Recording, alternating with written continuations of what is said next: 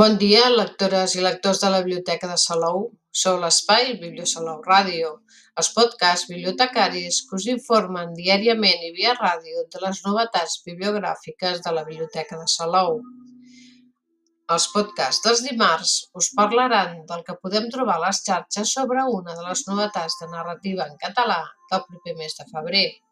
I avui, 18 de gener, us presentem la novel·la Estimat Pablo, de Maria Jaén, publicada aquest octubre passat per l'editorial Rosa dels Vents i en castellà per Plaza i Janés. A la ressenya de la contraportada hi podeu llegir Pau Casals, admirat arreu del món pel seu humanisme i el seu compromís polític, va prometre que no tornaria a posar els peus a Catalunya mentre Franco fos viu. I tanmateix, l'hivern del 1955 per primera i única vegada des de l'inici del seu exili, va tornar a Catalunya. Per què ho va fer? Quin motiu poderós el va empènyer a incomplir la seva promesa? Estimat Pablo, vol respondre a aquest interrogant. Maria Jaén recupera en aquesta novel·la la figura de Francesca Vidal, sovint ignorada o menys tinguda en les biografies del músic. Amb una escriptura carregada d'emoció, l'autora retorna a Vidal la veu silenciada i reivindica el seu paper fonamental al costat de Pau Casals. T'escric, Pablo estimat, perquè hi ha coses que és millor dir-les en silenci i a raig, sense que l'altre escolti ni interrompi. Escriure't em resulta més fàcil que dir-te el que vull. Dir de viva veu. Vull que quedi escrit que a les portes de la mort, sí, a les portes de la mort, perquè malgrat el que digui el metge, sé que aviadet me n'aniré al calaix, a les portes de la mort, doncs, i en aquest penós exili, decideixo revelar-me. si comença la novel·la, una novel·la basada en els fets reals, a partir de les cartes familiars, diaris personals, fotografies i premsa de la primera meitat del segle XX, protagonitzada per Francesca Vidal, també coneguda de casada per Francesca Capdevila, i com a fresquita, com li deia la família, qui va ser durant molts anys la parella del músic Pau Casals fins que va morir el 1955 a l'exili i a qui va conèixer molt jove,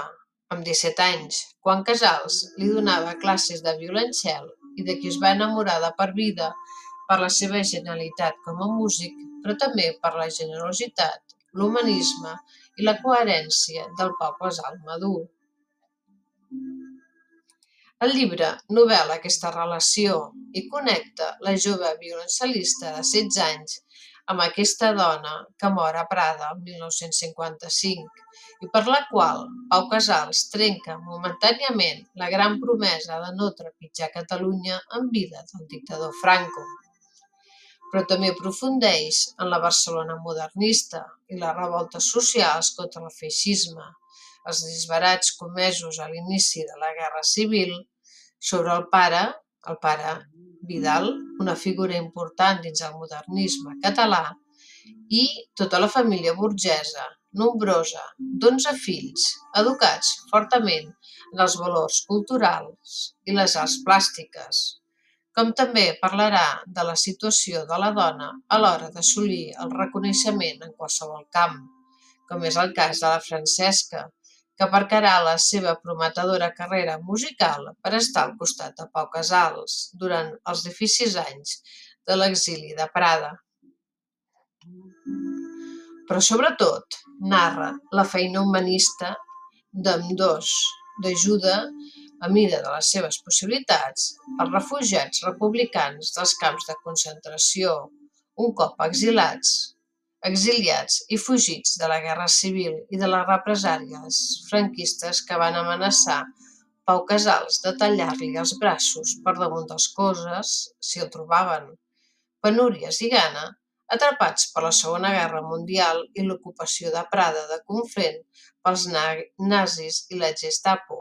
que de tant en tant anava a escorcollar casa seva i de qui va estar a la llista dels que serien afusellats.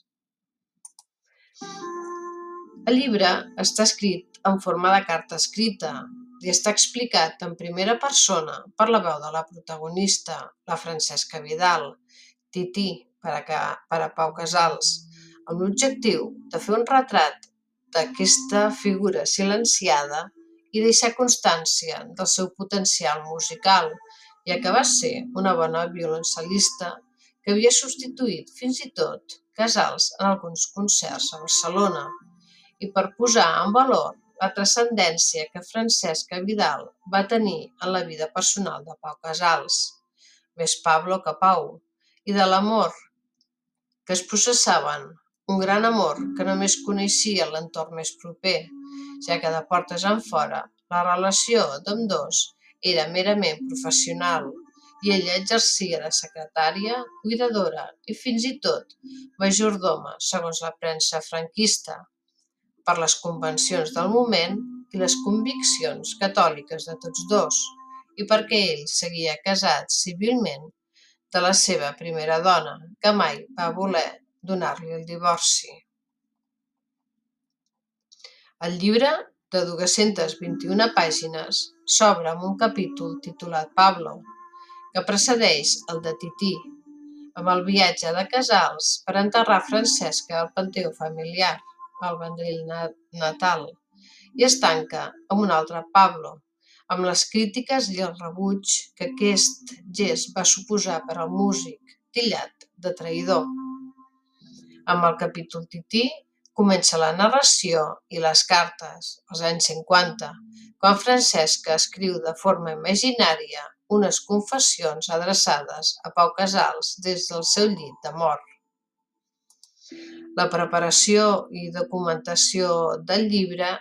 ha durat tres anys i neix a partir de la pel·lícula per a la televisió Pau, la força d'un silenci, de 2017, protagonitzada per Joan Pera i Carme Sansa, de la qual l'autora és també la guionista emesa per TV3 el 24 d'octubre de 2021 i que podeu recuperar gràcies a la programació a la carta de TV3. La publicació del llibre ha coincidit amb la celebració dels 50 anys de l'estada de Pau Casals a la seu de l'ONU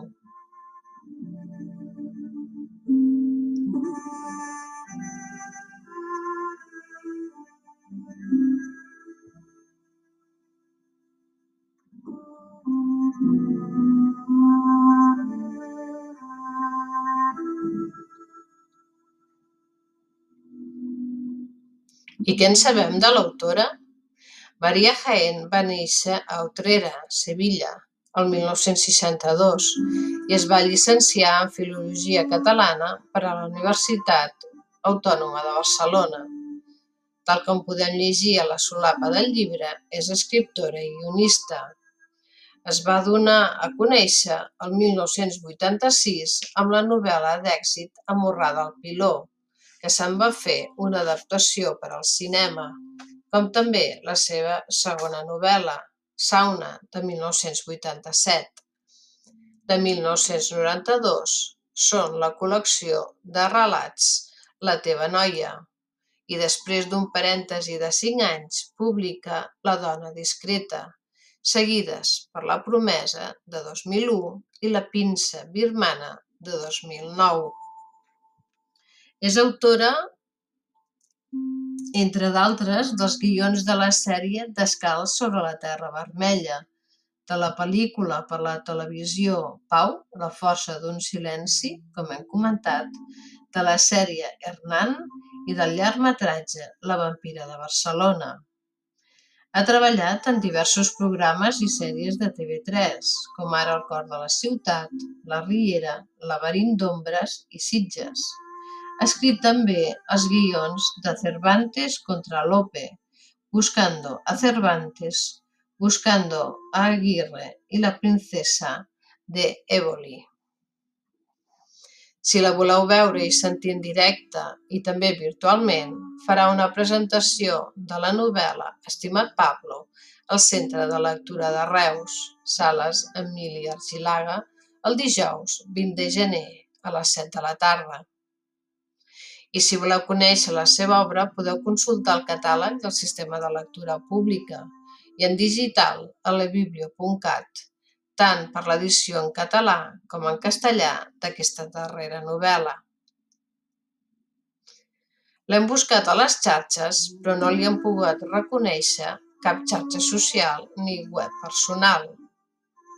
I fins aquí el podcast d'avui. Però tenim més novetats de narrativa en català que anirem descobrint cada dimarts. Que tingueu molt bon dia i molt bones lectures que us acompanyin en el dia a dia.